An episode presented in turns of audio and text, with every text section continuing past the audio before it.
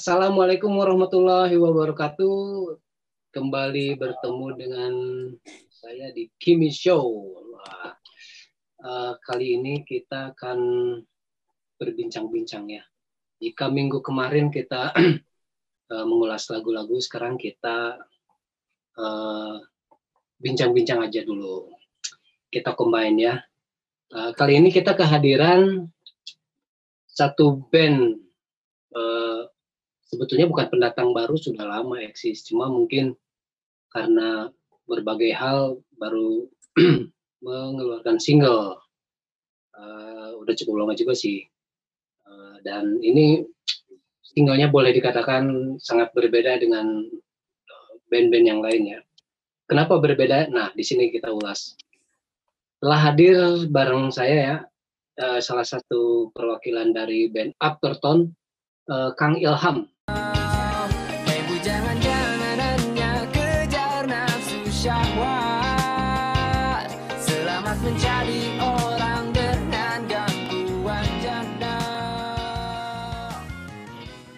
Halo Kang, Kang, Kang Ilham.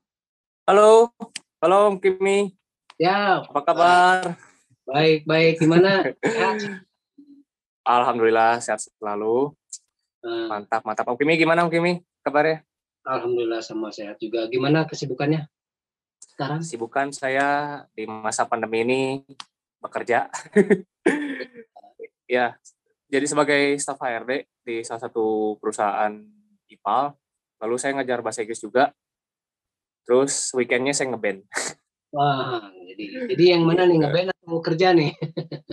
Ya combine aja sesuai intronya tadi.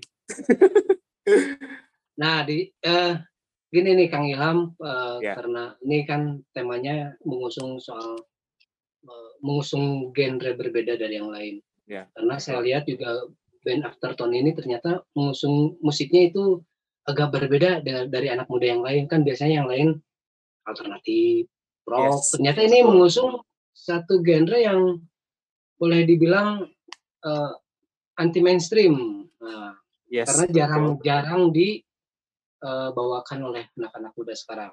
Bisa dijelaskan nggak? Aftertone itu seperti apa? Dibentuk kapan? Dan uh, mus musik eh, jenis musik yang diusungi apa sih? Oke. okay. Jadi Aftertones ini dibentuk dari tahun 2015. Awalnya memang sama seperti yang Om Kimi ucapkan tadi. Uh, kita dulunya band alternatif, tapi uh, ada transisi dari tahun 2015 sampai tahun 2018 tuh kita ada masa libur gitu ya. Hmm. Apa saya lupa sebutannya. vakum ya, vakum. Lalu di tahun 2018 itu kita mengusung genre AOR. Pernah dengar nggak hmm. Om Kimi? Apa itu? Bisa dijelaskan? AOR itu adult oriented rock yang mana uh, musisi-musisi rock di dunia barat sana itu mengusung genre yang lebih soft, yang lebih lembut. Itu contohnya seperti uh, David Foster, Airplay, terus ada di Toto juga itu salah uh, salah satu band-band AOR gitu. Jadi after after tunis ini uh, lebih ke arah situ sih. Ada arah jazznya, ada arah rocknya, begitu. Hmm. Tapi latar belakang pemainnya sendiri gimana nih? Kalau latar belakang pemain bandnya itu random juga sama. Contoh, uh, saya berasal dari alternatif, terus ada di basis tuh dia asalnya deathcore ya, metal. Hmm. Terus di keyboardis juga, oh sorry, di saksofon dulu. Saksofonis dia dari ska, drummer dari hardcore, uh, keyboardis juga dia dari rock juga sama. Ya, seperti itu. Jadi kita berasal dari latar belakang yang berbeda lah di segi genre musik. Menyat, uh, menyatukan para personel dengan background berbeda ke dalam satu uh, aliran yang sama, yang baru nih, IOR ini. Nah, pertama-tama kita saling jujur ya. Jadi uh, membuat sebuah diskusi di mana di dalam diskusi tersebut kita membahas apa sih genre yang enak untuk didengar oleh semua kalangan begitu. Dan kebetulan saya suka genre yang seperti ini, yang lain juga suka genre yang seperti ini gitu. yang yang notabene berbeda dengan background mereka. Nah, akhirnya di situ kita sepakat, lalu kita belajar dari nol, mulai dari memahami transisi dari rock ke jazz seperti apa, transisi scale blues ke jazz seperti apa, lalu memahami uh, taste atau rasa ya, rasa hmm. dari pendengar Indonesia itu seperti apa gitu. Dan akhirnya terwujudlah Aftertunes yang seperti sekarang begitu. Hmm ada pasti ada kesulitan-kesulitan saat uh, bertransisi ya dari alternatif ke ya. yang sekarang dari rock ke yang sekarang ini seperti apa kesulitannya? Nah kesulitannya itu mulai dari membuat materi sebenarnya membuat materi dan mencocokkan skill dari setiap personil. Kalau dari segi materi memang materi awal yang di album awal kita itu masih agak terdengar rasa-rasa alternatifnya. Hmm. Tapi kalau uh, kalau hubungannya dengan skill personil ya setiap personil itu kita bekerja sama lah kalau misalkan oh ini kurang beatnya kurang sederhana nih nah kita bantu kasih saran yang sebaik mungkin gitu begitu terus kita belajar bareng-bareng juga mulai dari research gimana sih caranya kita uh, main dengan attitude uh, eh, AOR seperti itu sih gitu. jadi yang dicari oleh Aftertone ini ingin lebih soft atau ingin lebih uh, apa ya uh, ingin lebih ngebit gitu loh. Oke. Okay. Uh, eh, kita combine soft and ngebit gitu. soft and beatful lah. Jadi kita tetap ngebit tapi ada softnya juga. Gitu. Hmm. Walaupun ngebit nggak bikin orang terlalu semangat tapi tetap bisa nikmatin gitu. Walaupun hmm. beatnya uh, agak kenceng tapi tetap bisa dinikmatin sih gitu. Hmm. Kayak bossa nova lah atau Latin jazz tuh kayak gitu. Hmm, begitu ya. Uh, Afterton ini berapa lama sih bikin uh, prosesnya membuat single yang sekarang itu? Oh iya, single yang sekarang prosesnya tidak memakan waktu cukup lama, itu sekitar satu bulanan lah. Karena kita sistem rekamannya itu home recording, hmm. mulai dari proses hmm, recording sampai mixing, mastering itu dikerjakan di di rumah, di rumah personilnya sendiri, rumah saya lah, rumah saya gitu. Jadi jadi tidak ada campur tangan dari studio lain atau dari produser musik lain. Gitu. Jadi pure usaha kita sendiri gitu. Hmm. Jadi cuma butuh waktu kurang lebih satu bulan ya? Ya betul sekali. Proses kreatifnya gimana? Siapa yang menulis lirik? Siapa yang bikin aransemen? Kalau lirik tuh saya sendiri. Kebetulan di single yang ODGJ ini lirik di saya, aransemen juga di saya. Jadi saya hanya mendirect proses di rekamannya aja. Misalkan Eh, oh ini keyboard harus kunci ini, oh ini gitar harus kayak gini, cop-copnya gitu. Oh jadi ditentukan sama Ilham sendiri ya? Ya betul, kalau untuk hmm. single yang ini. Hmm. Ini single namanya kan judulnya ODGJ, mungkin juga iya. uh, Tribuners ingin tahu single ODGJ itu apa sih dan menceritakan soal apa? Oke, ODGJ ini sebenarnya saya ambil dari istilah medis ya, orang dengan gangguan jiwa. Berhubung saya orangnya suka bercanda, saya ganti jadi orang dengan gangguan janda. Hmm. gitu itu uh, ceritanya bukan bukan soal jandanya sendiri ya maksudnya uh, saya pernah lihat satu bujangan ya dan dia tuh haus akan nafsu gitu nafsu syahwat ya dan rata-rata nafsu tersebut itu di, di apa ya uh, dikeluarkan ke seorang janda gitu so yang harusnya dia bertanggung jawab untuk menikahi janda tersebut malah dijadikan sebagai objek hmm. gitu hmm. makanya saya buat ODGJ itu tuh bukan berarti saya ingin menunjukkan ke jandanya tapi ke orangnya justru orang yang hmm. bogoh kasih jandana itu gitu hmm. berarti psikologi lebih kayak yes gitu jadi lebih apa ya buat sebagai pengingat lah ODGJ itu hmm. sebagai pengingat bahwa jangan janganlah apa ya sesuai refnya uh, hebu jangan jangan kejar nafsu syahwat gitu hmm, jadi pesannya itu bahwa uh, siapa pun lah jangan yes. jangan hanya ngagugu nafsu syahwat ya apalagi ke nah, betul sekali. Betul sekali. Aduh. Bisa dedein gitunya. Uh, aduh malu eh dulu saya masih kecil ngobrol sama Om Kemal iya. Saya juga agak kaget ternyata temanya yang dalam ini. Soalnya yes. uh, apa ya orang jarang sih mengusung tema-tema seperti ini secara direct ya menyebut langsung iya, ke betul. Ke apa namanya uh, namanya ke apa ya namanya ke status seseorang gitu. Yes, ke status. Nah, uh. saya saya ini kan disclaimer ya. Maksud lagu ini bukan ke status tersebut, mm -hmm. tapi lebih tepatnya ke orang yang mengerjai nah, status iya. tersebut gitu. Ke, Biasanya kan, ke lelaki ya, ke hmm. lelakinya. Hmm, biasanya kan gitu orang identik, oh ini lagu soal janda, padahal mah bukan gitu ya. Ini yes, lagu bukan. untuk memberi nasihat kepada cowok lah ya, laki-laki yang iya, begitu. pada cowok. itu ya. Tuh. Uh, apa ya? Ini sudah dirilis di mana aja? Kapan nih mulai rilisnya? Oh, rilis udah rilis kok, udah rilis. Hmm. Udah rilis, sekarang udah sudah bisa didengarkan di Spotify, di YouTube, di iTunes juga udah ada, hmm. Google Play Music, di Amazon, pokoknya di all di digital platform sudah ada. Hmm. Hmm. Udah ada. Uh, sudah berapa lama sih rilisnya? Seminggu udah ada, seminggu. Seminggu. Oh iya iya. Tadi saya sempat dengar sedikit soal ininya previewnya ya. Soal lagu mm -hmm. Estrana mah, Estrana istilah nama. Iya. Yeah. Sedikit uh, itunya ternyata emang lagunya sebetulnya enak ya. Dan mm -hmm. ini kalau dilihat dari temanya ini jelas kan menyasar eh, laki-laki uh, untuk yang memiliki sifat seperti itu ya.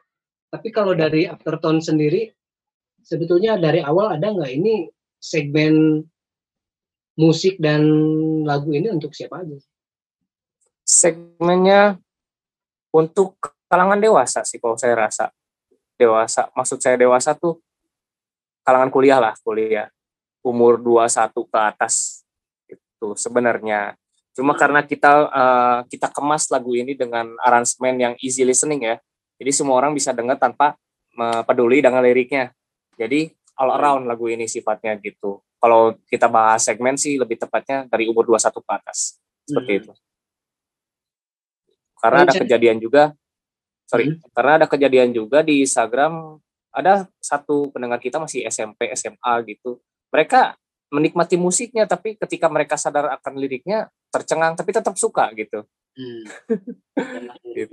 yang penting musiknya dulu suka ya. yes, betul sekali, betul sekali. Uh, ini total sudah berapa lagu sih yang sudah disiapkan untuk mungkin nanti suatu saat bikin album? Oh iya, uh, 2021 kita udah menyiapkan satu EP ya atau mini album itu oh, iya. isinya iya. ada lima lagu dan lima lagu tersebut sifatnya tidak satu lagu ganti satu lagu ganti. No tapi saling menyatu tuh nyambung. Jadi ketika beres lagu ada satu elemen yang bikin nyambung ke lagu yang lainnya gitu. Hmm, jadi istilahnya mah nggak nggak crossfade gitu. Hmm. jadi nggak crossfade walaupun beda track tetap satu lagu gitu. Oh tuh itu konsepnya seperti itu. Ya ini konsep seperti ini sudah di eh, apa namanya sudah di rencanakan sejak kapan nih? Sejak setelah pindah jadi pindah aliran ke EOA yang tadi yang ke uh. atau sebelum eh atau emang sudah ada setelah sejak band terbentuk nih? Uh, konsep ini sudah ada sejak band terbentuk sebenarnya. Itu coba baru terrealisasikan sekarang. Itu seperti itu ya. Jadi 2015 lumayan ya 2020 itu kan proses kreatif yang Iya, proses kreatif. Adaptasi lah, adaptasi. Itu juga ya. Berarti mungkin setelah total di genre sekarang itu sudah berapa tahun? Satu atau dua tahun? Uh, 2018 aja, tiga tahun lah, hampir tiga tahun. Tiga tahun, ya. Berarti dua tahun lebih ya dengan sekarang. Iya. Next, uh, sudah ada rencana eh itu yang rencana bikin EP itu kapan nih direalisasi? Uh, rencana bikin EP ya? Saya rencana tuh ada di bulan April rilis, antara April atau Mei lah. Itu udah rilis, insya Allah. April berarti pas puasa ya, Ramadan. Iya, mungkin Lebaran atau setelah Lebaran lah. Hmm. Nanti ada berapa berapa ini berapa keping tuh yang siap disiapkan atau nanti hanya platform digital aja? Oh, kalau kita fokus lebih ke digital. Digital. Tapi kalau misalkan untuk kepingan kita udah sudah siapkan untuk beberapa pihak ya seperti media-media hmm. gitu. Hmm. Ya sebagai kenang-kenangan lah bahwa bahwa Aftertunes ini masih hidup di tahun 2021 itu di tengah pandemik. Itu hmm. masih tetap ngeband walaupun nggak manggung gitu. Hmm. Menunjukkan eksistensi ya. Yes, betul. Ya nah. mudah-mudahan di tahun sekarang ada panggung lagi gitu normal tanpa online-online gitu. Hmm. Karena uh, sebuah panggung itu enak tatap muka dengan audiensnya. Hmm. Itu feelingsnya dapat. Berarti selama pandemi ada ada penyesuaian jadwal atau gimana nih? Selama proses uh, penyesuaian jadwal ada. Terus kadang kita bikin acara, oh pernah bikin acara sendiri juga di tengah pandemi sebenarnya. Hmm. Ya jadi kayak secret show gitu. Itu waktu itu di bulan Desember di Babakan Siliwangi jadi di dalam Babakan Siliwangi itu ada kafe di tengah hutan gitu. Nah orang-orang banyak kan nonton di situ. Kita bikin mini showcase di situ karena hmm. planning kita sebelumnya sebelum pandemi itu bikin showcase album, tapi ternyata ada corona, jadi postpone ya, postpone. Tapi kita tetap bikin acara sih, biar nggak terlalu ngepostpone gitu, nggak terlalu terbatalkan. Seperti itu. Asal ada aja dulu nanya. Iya asal ada, asal ada aja dulu. Berarti meskipun pandemi tidak menghalangi proses kreatif ya, tetap berjalan. Betul, tetap berjalan, tetap semangat lah sambil glow up istilah istilah beken sekarang lah gitu. Iya, iya.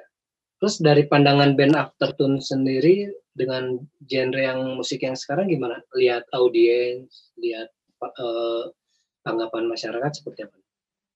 Alhamdulillah sekarang Aftertune bisa dinikmati oleh semua kalangan. Kita hmm. sendiri yang melihat yang gitu.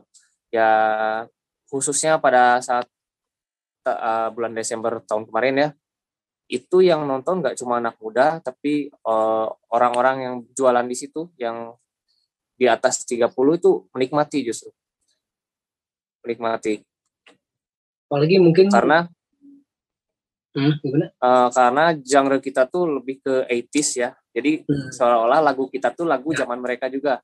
Seperti itu. Ya itu apalagi ini kan uh, musiknya itu mengusung musik-musik yang uh, ada jadul-jadulnya gitu ya. Vintage iya ada, betul. Ada vintage-nya. 80 kadang suka kadang suka disamain juga jadi misalkan oh ini inget Earth Wind and Fire. Oh inget George hmm. Benson gitu gitu ya karena emang bersinggungan dengan mereka ya itu yes betul sekali Uh, mereka sebetulnya lebih mendalami ke lebih ke jazz dan acid jazz. Kalau ini mm-hmm, betul. Selain uh, ada jazz jazznya, mungkin ada sentuhan lainnya nggak? Misalkan sentuhan rocknya, sentuhan alternatifnya bahkan mungkin. Oh, kalau alternatif kita nggak terlalu menonjol ya. Paling di segi sound, sound gitar hmm. ada saya di satu track namanya Long Night. Saya hmm. pakai sound uh, eksperimental di situ Hmm. Seolah-olah saya buat sebuah noise yang bikin orang tuh langsung inget oh ini ketika saya lagi muter tuh seperti ini gitu. Hmm. Pernah muter? Belum pernah saya. Tapi mungkin memberi gambarannya seperti itu ya. Iya, gambarannya biasa saya kan melihat apa ya? Saya bikin lagu tuh berdasarkan visual yang saya lihat. Kalau saya hmm. lihat lukisan yang muter gitu, saya langsung pikiran oh saya harus bikin uh, musik yang bisa membawa orang tuh ikut muter juga gitu. Jadi lebih hmm. visual sih saya, bukan ke experience ya. Hmm. Gitu. Dari awal emang Aftertune nggak merasa khawatir gitu bahwa dengan genre musik sekarang justru sepi peminat. Oh, justru sebaliknya malah. Sebaliknya. Hmm. Karena kita merasakan sepi peminat itu di zaman alternatif. Gitu. Hmm. Ketika kita ganti ke yang sekarang itu simple tapi ngejazzy tetap ada kelasnya gitu. So, oh, gitu. Jadi kita malah merasakan sebaliknya. Mungkin dulu waktu mengambil alternatif orang sudah terlalu bosan atau bagaimana ya? Ya mungkin uh, terlalu bosan. Terlalu lama ya alternatif kan dari awal 90-an. Iya, betul. Nah, berarti saya juga lebih lama dong. Dari 80. Oh. Betul, betul. Tapi betul. tapi kalau menurut observ saya ya, observasi saya, anak muda sekarang tuh lebih balik lagi ke 80-an. Hmm. Pada jadi suka lagi sama Utali Kumahwa Hmm. atau Mus Mujiono lah bisa dibilang terus Priscil yang zaman dulu itu yang 80 90-an itu pada suka lagi disco-disco lah kayak Faris RM tuh masih pada pada balik lagi ke zaman situ gitu anak muda sekarang makanya eh, tipe-tipe musik seperti A- AOR ini masih laku dijual di tahun 2021 Oh, gitu ya. Jadi emang optimisme optimismenya di situ ya. ya karena kita sudah mengobserv Ada flashback. ya karena kita sudah mengobserv dulu peminat tuh enaknya didengerin lagu apa gitu Eh, ada harapan apa nih Aftertone dengan